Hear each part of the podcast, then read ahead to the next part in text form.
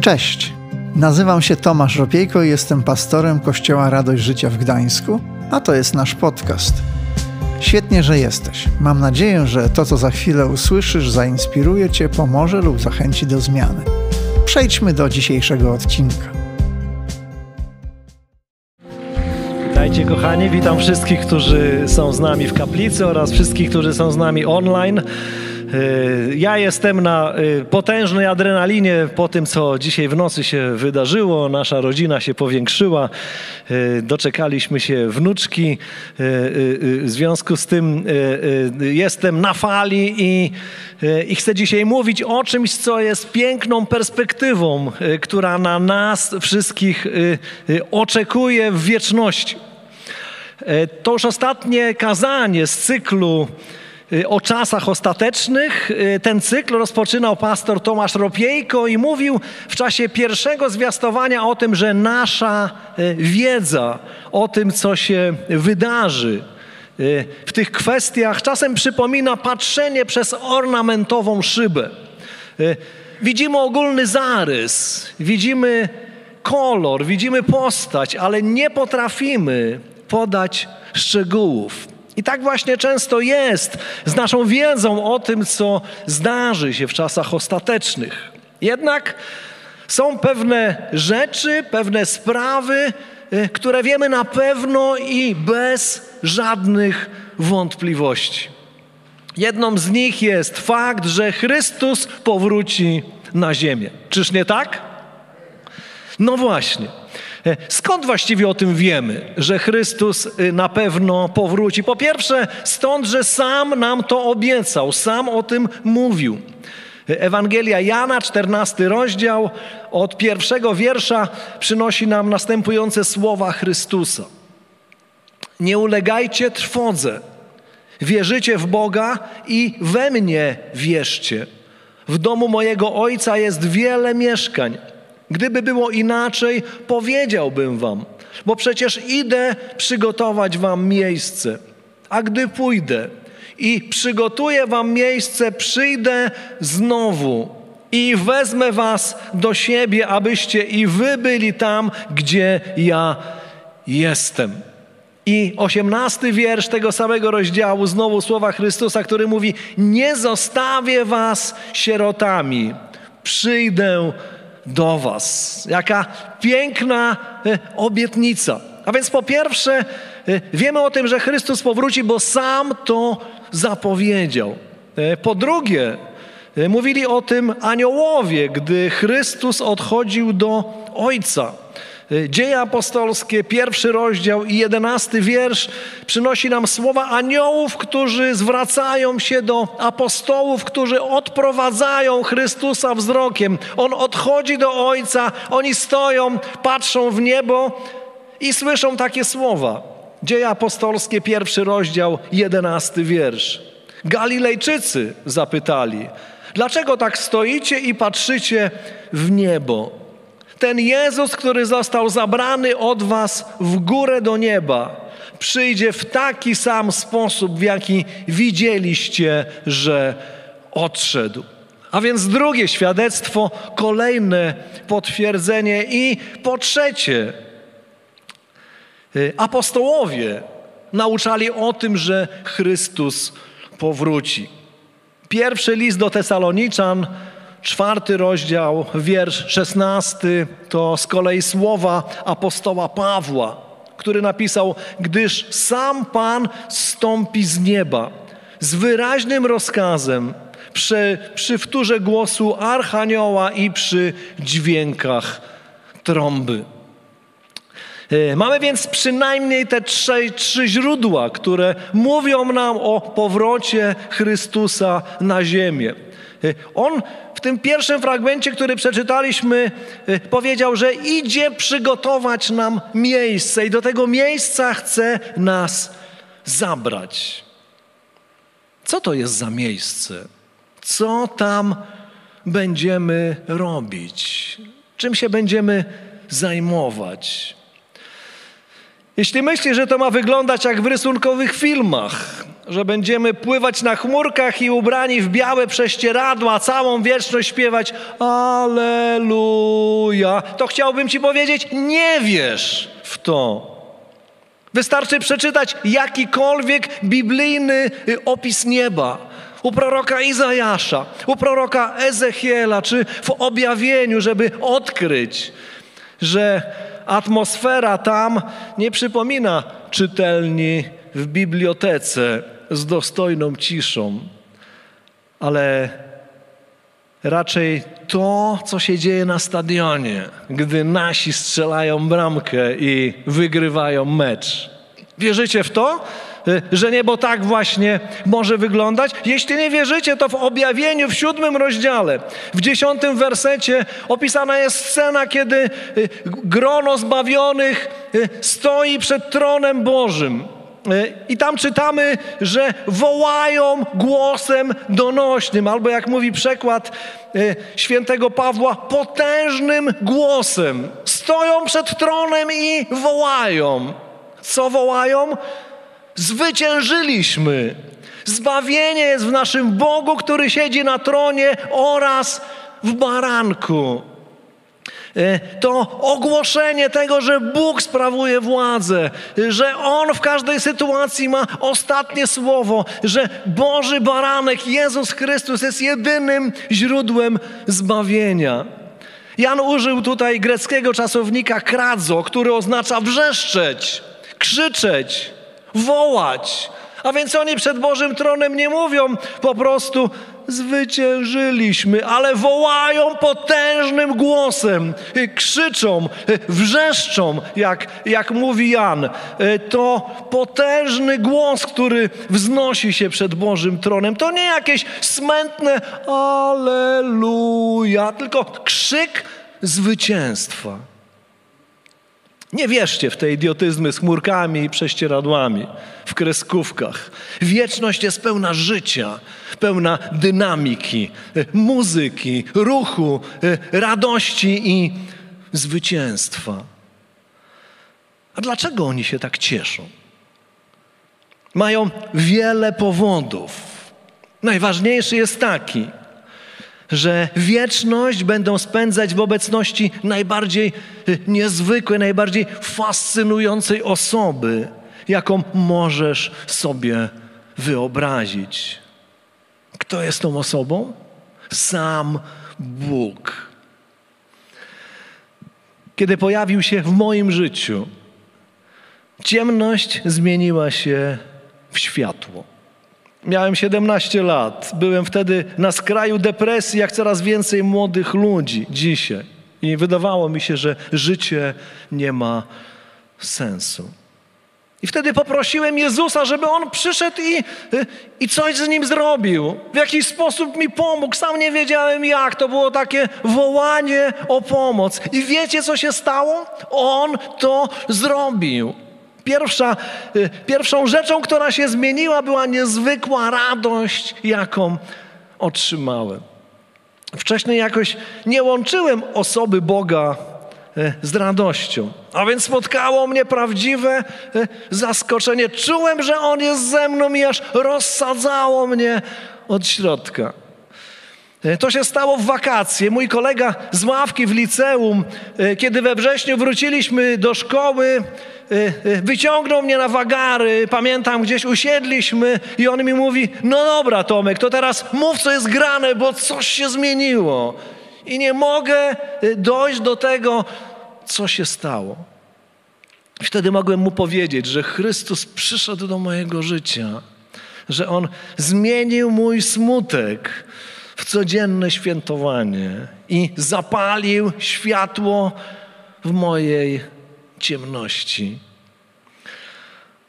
Objawienie Jana, 21 rozdział i 23 wiersz to opis miasta, które Bóg dla nas przygotował. Czytamy tam tak. Miasto nie potrzebuje też słońca ani księżyca, aby mu świeciły. Oświetla je chwała Boga, a jego lampą baranek. Wyobrażacie sobie? Jezus przygotował miejsce, w którym nie potrzeba słońca. Nie potrzeba księżyca, nie potrzeba żadnego innego źródła światła, bo On sam jest Jego światłem. 21 rozdział y, objawienia, trzeci y, i czwarty wiersz. I usłyszałem donośny głos, rozległ się od strony tronu, od, stronu, tro, od strony tronu, głosił. Oto namiot spotkania Boga oraz ludzi. Będzie z nimi mieszkał, oni będą mu ludem, a będzie z nimi sam Bóg, ich Bóg. Otrze też wszelką łzę z ich oczu. Nie będzie już śmierci, ani bólu, krzyku, ani znoju, ponieważ pierwsze rzeczy przeminęły. Co za piękne słowa. To wszystko, co wydaje się nam normalne, co tak dobrze znamy tutaj na ziemi. Trud, praca w pocie czoła, e, narzekanie, cierpienie, ból, czy wreszcie śmierć. Jan mówi, nie będzie już dla nich miejsca. Bóg będzie mieszkał z nami. Księga Genezis mówi o tym, że Bóg przychodził do ogrodu Eden, żeby y, spotkać się z ludźmi, ale mieszkać razem to coś zupełnie innego niż widywać Boga, który czasem y, odwiedza. Mieszkać z kimś, kto kocha tak, że poświęcił swojego syna, żeby ciebie i mnie ratować. Który nie tylko kocha cię, ale po prostu cię lubi. Lubi z Tobą rozmawiać, lubi z Tobą być, a przy tym wszystkim jest Bogiem, Stwórcą wszystkiego, co istnieje. Osobą tak niezwykłą, tak pełną pomysłów, że na całym świecie nie ma dwóch takich samych listków na e, drzewach, że nie ma dwóch takich samych ziaren piasku, e, nie ma dwóch takich samych gwiazd na niebie, nie ma dwójki ludzi o takich samych liniach papilarnych czy, czy tęczówkach oka. W liście do Filipian 1:23 apostoł Paweł napisał: Chciałbym stąd odejść i być z Chrystusem, bo to o wiele lepsze. I powiem Wam szczerze, wcale się Pawłowi nie dziwię. Dziwicie mu, dziwicie mu się? Dziwicie, że napisał e, takie słowa, że był gotowy zostawić wszystko, co znał i odejść i być z Chrystusem? On wiedział na pewno, to o wiele lepsze. Wiecie, to niewiele, co wiem o Bogu, zupełnie zmieniło moje życie. A ciągłe odkrywanie tego, jaką jest osobą, to najbardziej fascynująca rzecz, która mnie spotyka.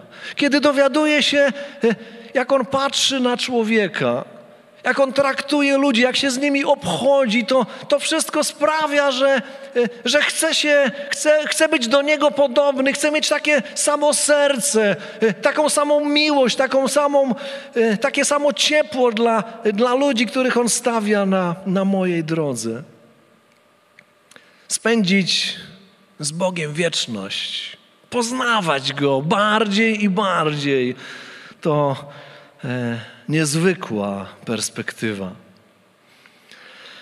Ale chyba jednak całej wieczności będę potrzebował, żeby zrozumieć, dlaczego On kocha kogoś takiego jak ja i co On we mnie widzi. I może nie tylko ja tak myślę, może myślisz sobie, to prawda, że Bóg jest niezwykłą osobą, ale jak patrzę na siebie, to widzę, że ja jestem taki sobie. Nic nadzwyczajnego. Czy ja będę do tego miejsca, do wieczności pasować? I to jest dobre pytanie, ale niestety muszę Ci powiedzieć, że ani Ty, ani ja nie pasujemy do nieba. Jesteśmy e, upadłymi, grzesznymi ludźmi z całą masą różnych wad i niedoskonałości. To, że Tam się możemy znaleźć. To nie będzie ani Twoją, ani moją zasługą, ale jedynie łaską Boga, e, objawieniem Jego dobroci. To dzięki temu, że Jezus umarł na nasze, za nasze grzechy, drzwi do nieba zostały otwarte dla Ciebie i dla mnie. I to zaproszenie Chrystusa, jeśli ktoś pragnie, niech przyjdzie do mnie i pije. Skierowane jest do każdego, kto, kto jest gotowy, żeby Jemu zaufać. Każdy, kto skorzysta. Aby zaufać Chrystusowi, może spędzić wieczność razem z Nim.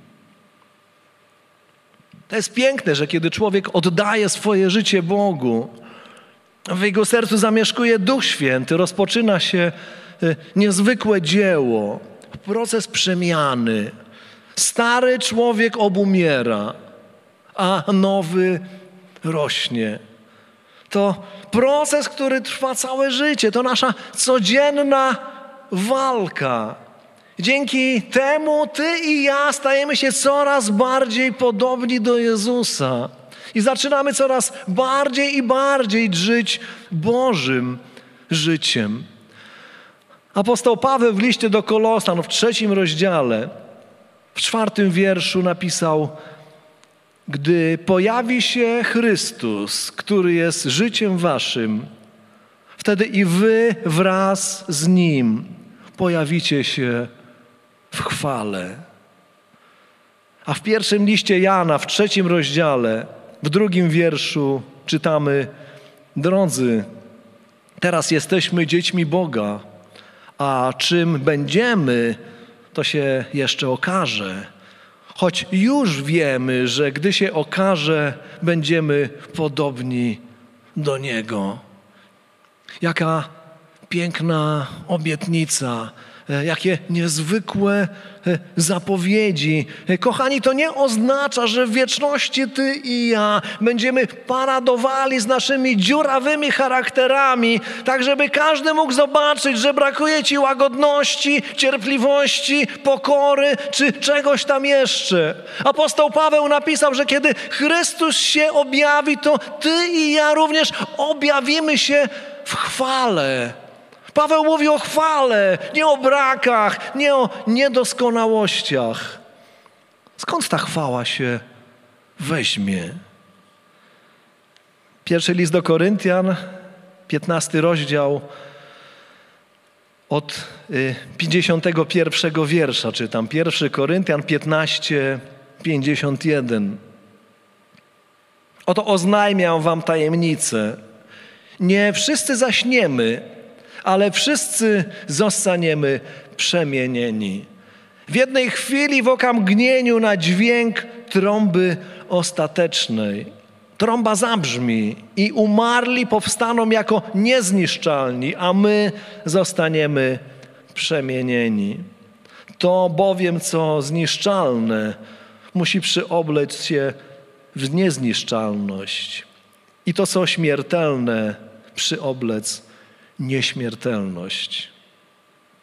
Apostoł Paweł mówi, że w tym momencie, kiedy powróci Chrystus, kiedy zostaniemy wezwani, dzieło Ducha Świętego zostanie w oka mgnieniu dokończone w Tobie i we mnie i zostaniemy przemienieni. Doświadczymy tej chwały nieba, ona stanie się do końca naszym udziałem. Każda niedoskonałość, każdy brak zostanie uzupełniony, kiedy to dzieło zbawienia w Chrystusie zostanie doprowadzone do końca w każdym sercu, w każdej duszy i w każdym charakterze. Nasze życie zostanie też ocenione.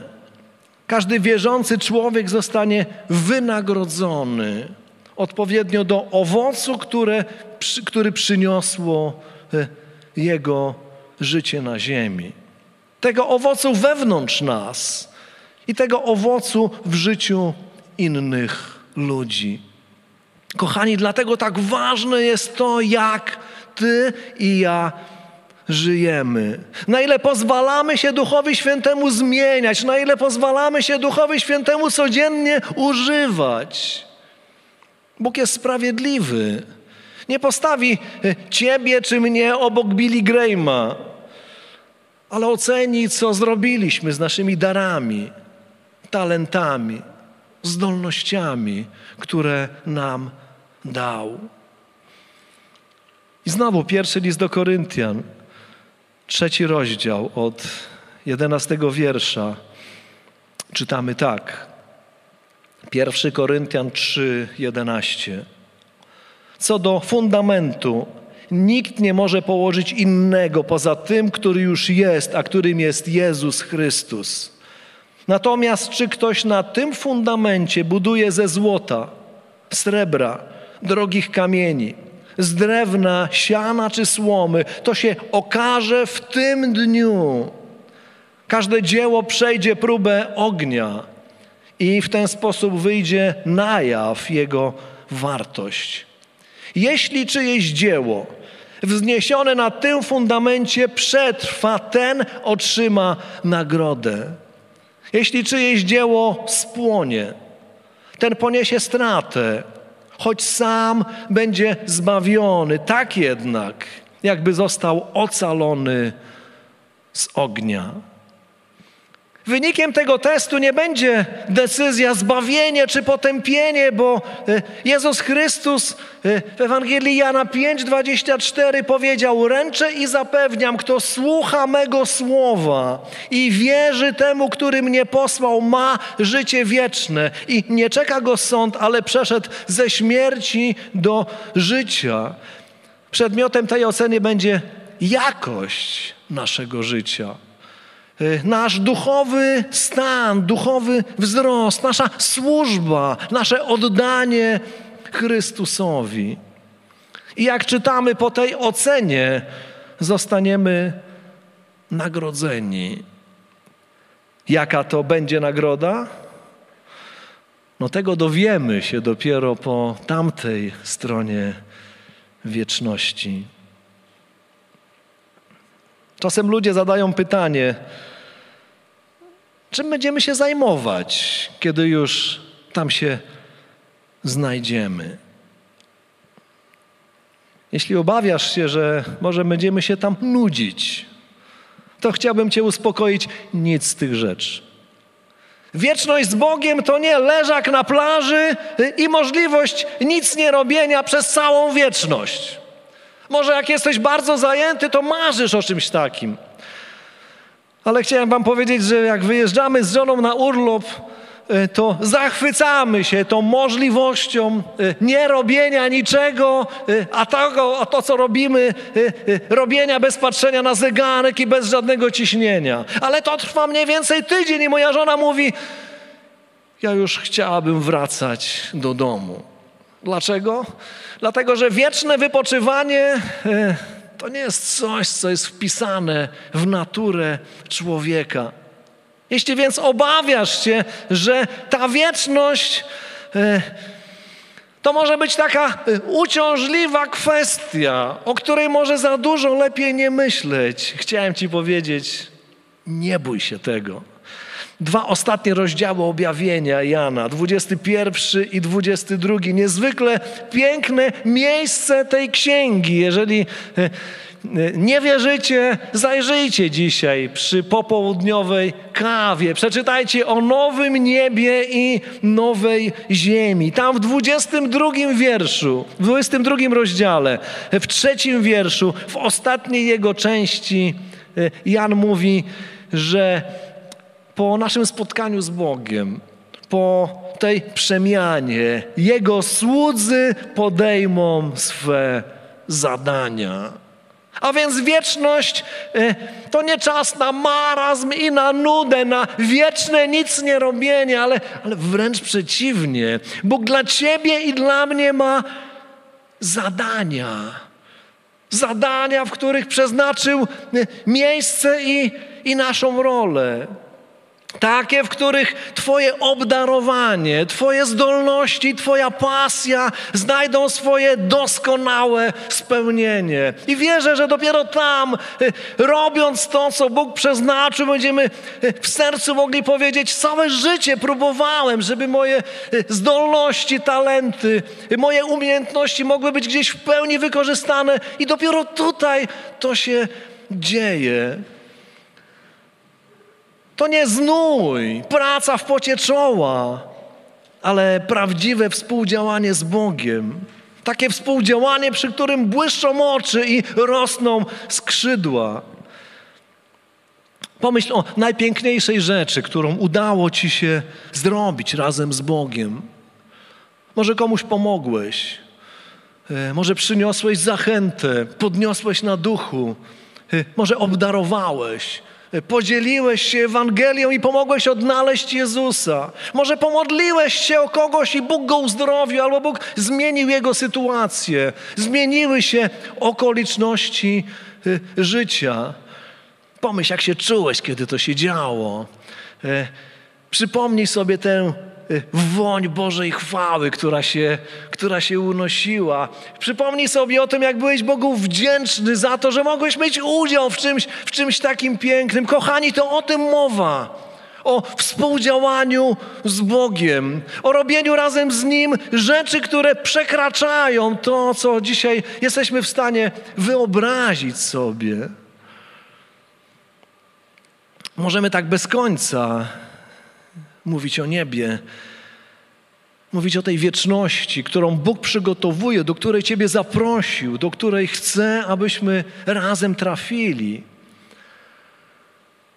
Ale tu i teraz, dla każdego wierzącego człowieka, ważna jest odpowiedź na pytanie. Wobec tego, co jest przede mną tam, jaką ja powinienem mieć postawę dzisiaj, tutaj? Jeśli to pytanie zadajesz, to odpowiem krótko: oczekiwanie. I taki właśnie jest tytuł dzisiejszego kazania. Jednak nie oczekiwanie w zabarykadowanej twierdzy, domu, rodzinie czy kościele. Nie chodzi o oczekiwanie, które polega na tym, że tak patrzę w niebo, że nie nadaje się do życia na ziemi. Nie chodzi o odgrodzenie się od świata i ludzi, którzy nas otaczają. Nie chodzi o zaniedbywanie codziennych obowiązków, nie zajmowanie się e, tym, co się wokół ciebie dzieje. Historia Kościoła przynosi nam przykłady ludzi, którzy tak właśnie opatrznie to oczekiwanie rozumieli. I wiecie co? Wszyscy najedli się wstydu. Marcin Luther powiedział kiedyś: I gdybym wiedział, że jutro może nadejść koniec świata, to pomimo wszystko pragnąłbym jeszcze dzisiaj posadzić swoją jabłonkę i spłacić swoje długi. Przyznacie mądre słowa. O zupełnie innym oczekiwaniu mówi ten XVI-wieczny reformator. Bo nasze oczekiwanie na powrót Chrystusa nie polega na tym, że odwracamy się plecami do wszystkiego, co jest na ziemi, ale wręcz przeciwnie. Objawienie Jana 22:7 to słowa Chrystusa, który mówi: Oto przychodzę wkrótce. My dzisiaj patrząc na to, co się dzieje, rozumiemy, że nie będziemy już mieli następnych dwóch tysięcy lat. Dzisiaj żyjemy w czasach, gdy nie można już niczego odkładać na później. I jeśli mamy coś do zrobienia, trzeba to zrobić. Takie nastawienie niesie z sobą e, różne konsekwencje. Jeśli jeszcze nie pojednałeś się z Bogiem, nie zaprosiłeś go do swojego życia.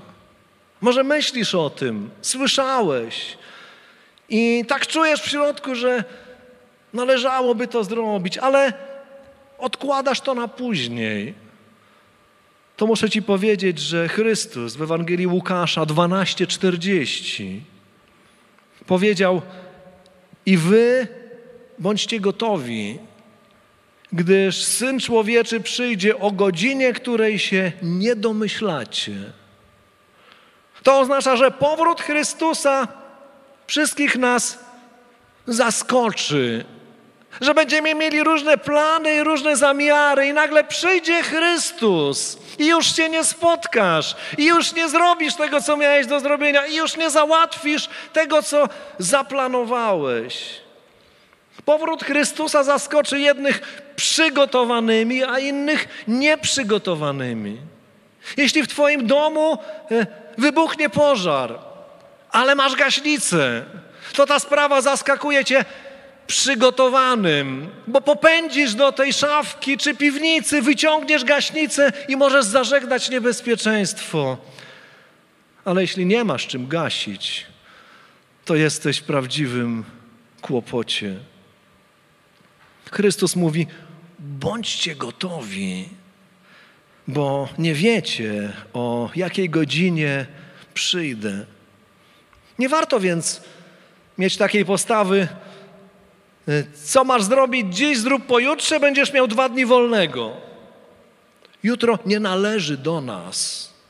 Nie odkładaj tego, co e, wiesz, że należałoby zrobić, do czego e, popycha cię Twoje serce, Duch Święty.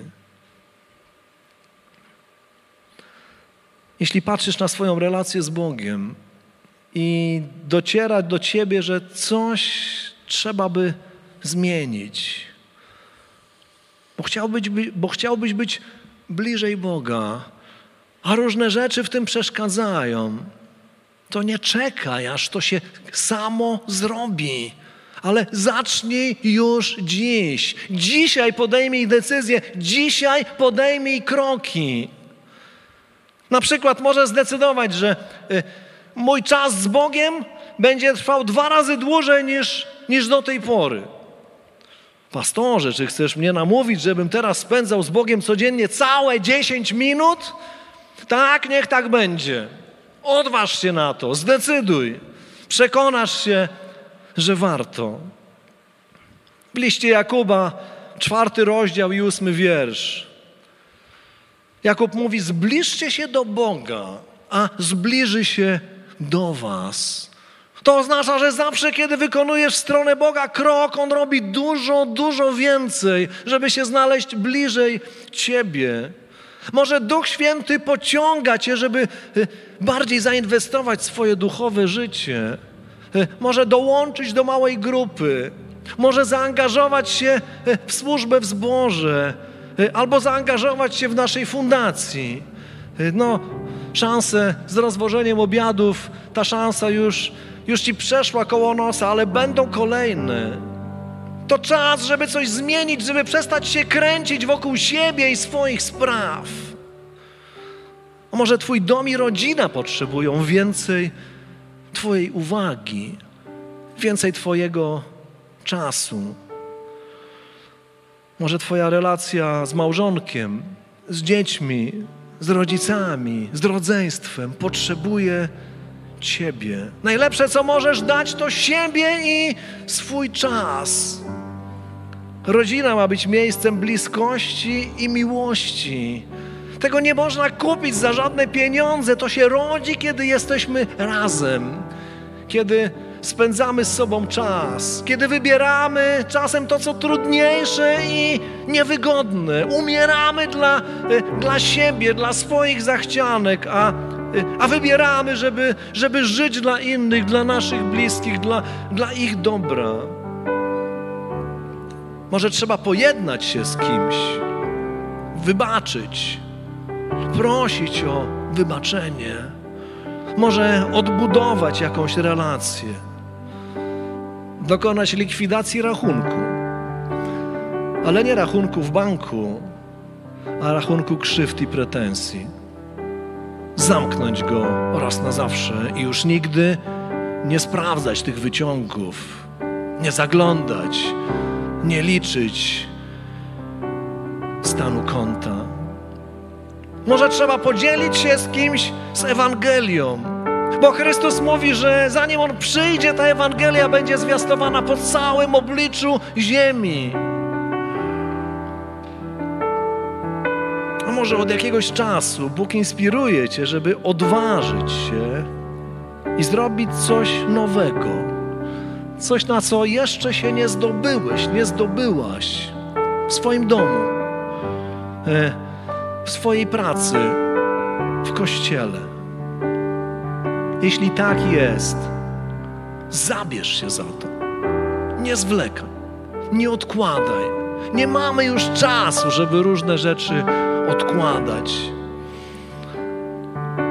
Nie wiemy, ile czasu mamy do dyspozycji. Pierwszy list Jana, drugi rozdział, wiersz 28. Apostoł mówi: A teraz, dzieci, trwajcie w nim, abyśmy, gdy się ukaże, mogli śmiało wyjść mu naprzeciw i w czasie jego przyjścia nie zostali przez niego zawstydzeni. Boże Słowo uprzedza nas, że Chrystus powróci i nie jest Jego zamiarem e, doprowadzenie do tego, że w momencie Jego powrotu będzie nam żal, będzie nam wstyd, będzie nam przykro, że, że nie stanęliśmy na wysokości zadania. Jan mówi: trwajcie w nim, posłu- okazujcie posłuszeństwo Bożemu Duchowi, chodźcie Jego drogami. Tak, żeby Chrystus, kiedy przyjdzie, zastał Was oczekującymi. Tak, żeby nasze serca nie były ociężałe. Niech zastanie nas przy pracy, y, wykonując Jego wolę, byśmy mogli śmiało wyjść Mu naprzeciw, jak, jak Jan napisał. Ale przy tym wszystkim, abyśmy bez żalu mogli zostawić wszystko tutaj i wybiec mu naprzeciw. Nie jak żona Lota, która z żalem ogląda się na to, co zostawiła, ale jak narzeczona, która czeka, żeby z ukochanym rozpocząć nowe życie. Bo przecież to, co Bóg zaplanował dla Ciebie i dla mnie, jest dużo lepsze niż najlepsze rzeczy, które znamy z tu i teraz.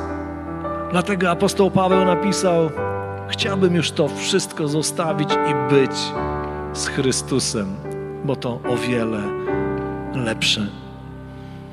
Kochani, czas się modlić. Zapraszam, powstańmy.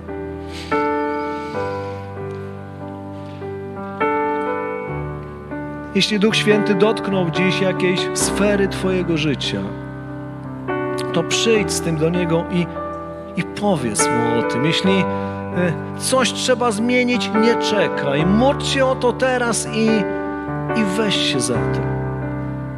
Jeśli chcesz prosić Jezusa, aby przyszedł do Twojego życia w nowy sposób, bo ostatnio ono e, stało się monotonne, pozbawione e, świeżości, to powiedz mu o tym. Powiedz o tym, że Panie, kiedy przyjdziesz, nie chcę być zawstydzony. Chcę czekać. Chcę się ucieszyć. Chcę wyjść naprzeciw. Chcę bez żalu zostawić wszystko, wszystko to, czym się tu zajmuję. A może pierwszy raz e, powinieneś zaprosić Chrystusa do, do Twojego życia. Jeżeli chcesz to zrobić, w kilku słowach powiedz mu o tym. A jeśli to dla Ciebie za trudne, za moment zaproszę Cię do wspólnej modlitwy. Ale najpierw zawołajmy razem do, do Boga. Panie nasz, dziękujemy za to, że obiecałeś przyjść po nas i zabrać nas do miejsca, które od swojego odejścia do Ojca przygotowujesz. Panie, dziękujemy za to niezwykłe miejsce. Dziękujemy, Panie, że, że wieczność jest o wiele, o wiele lepszym miejscem niż wszystko to, co znamy na ziemi.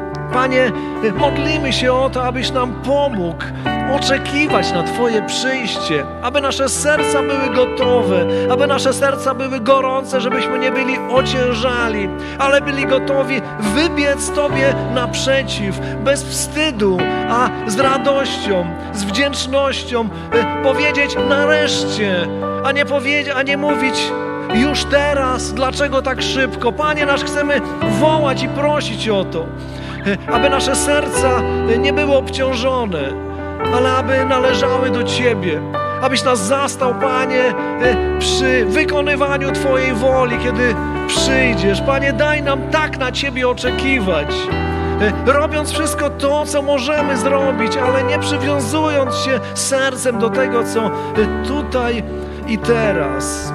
Dziękujemy, Panie, że Ty chcesz spędzić z nami wieczność. I chociaż trudno nam zrozumieć, dlaczego nas kochasz, ale chcemy z tego skorzystać. Chcemy po prostu cieszyć się tą wieczną, świeżą relacją z Tobą. Jeśli chciałbyś, chciałabyś Jezusa zaprosić po raz pierwszy do swojego życia, możesz to zrobić własnymi słowami, ale jeśli to jest dla Ciebie trudne, chciałbym Cię zaprosić. Możesz też powtarzać słowa modlitwy, które Y, na koniec wspólnie razem wypowiemy. Zachęcam wszystkich, abyśmy tą modlitwą się pomodlili. Powtarzajcie proszę za mną. Panie Jezu, dziękuję, że przyszedłeś na świat jako Zbawiciel. Dziękuję, że umarłeś też za moje grzechy. Wyznaję je przed Tobą i przepraszam za każdy z nich. Otwieram dziś przed Tobą moje serce i zapraszam, przyjdź do mojego życia. Dziękuję, że słyszysz moją modlitwę. I proszę, prowadź mnie każdego dnia. Jeśli pierwszy raz w życiu pomodliłeś, pomodliłaś się w ten sposób, jeśli potrzebujesz dalszej pomocy, Jesteśmy otwarci, gotowi pomóc Ci. Skontaktuj się z nami, zadzwoń, napisz, odezwij się przez nasze społecznościowe media. Niech Bóg Cię błogosławi. Kochani, śpiewajmy, uwielbiajmy naszego Pana.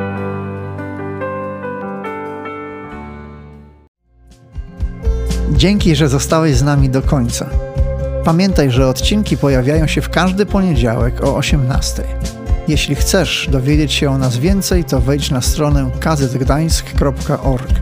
Do usłyszenia.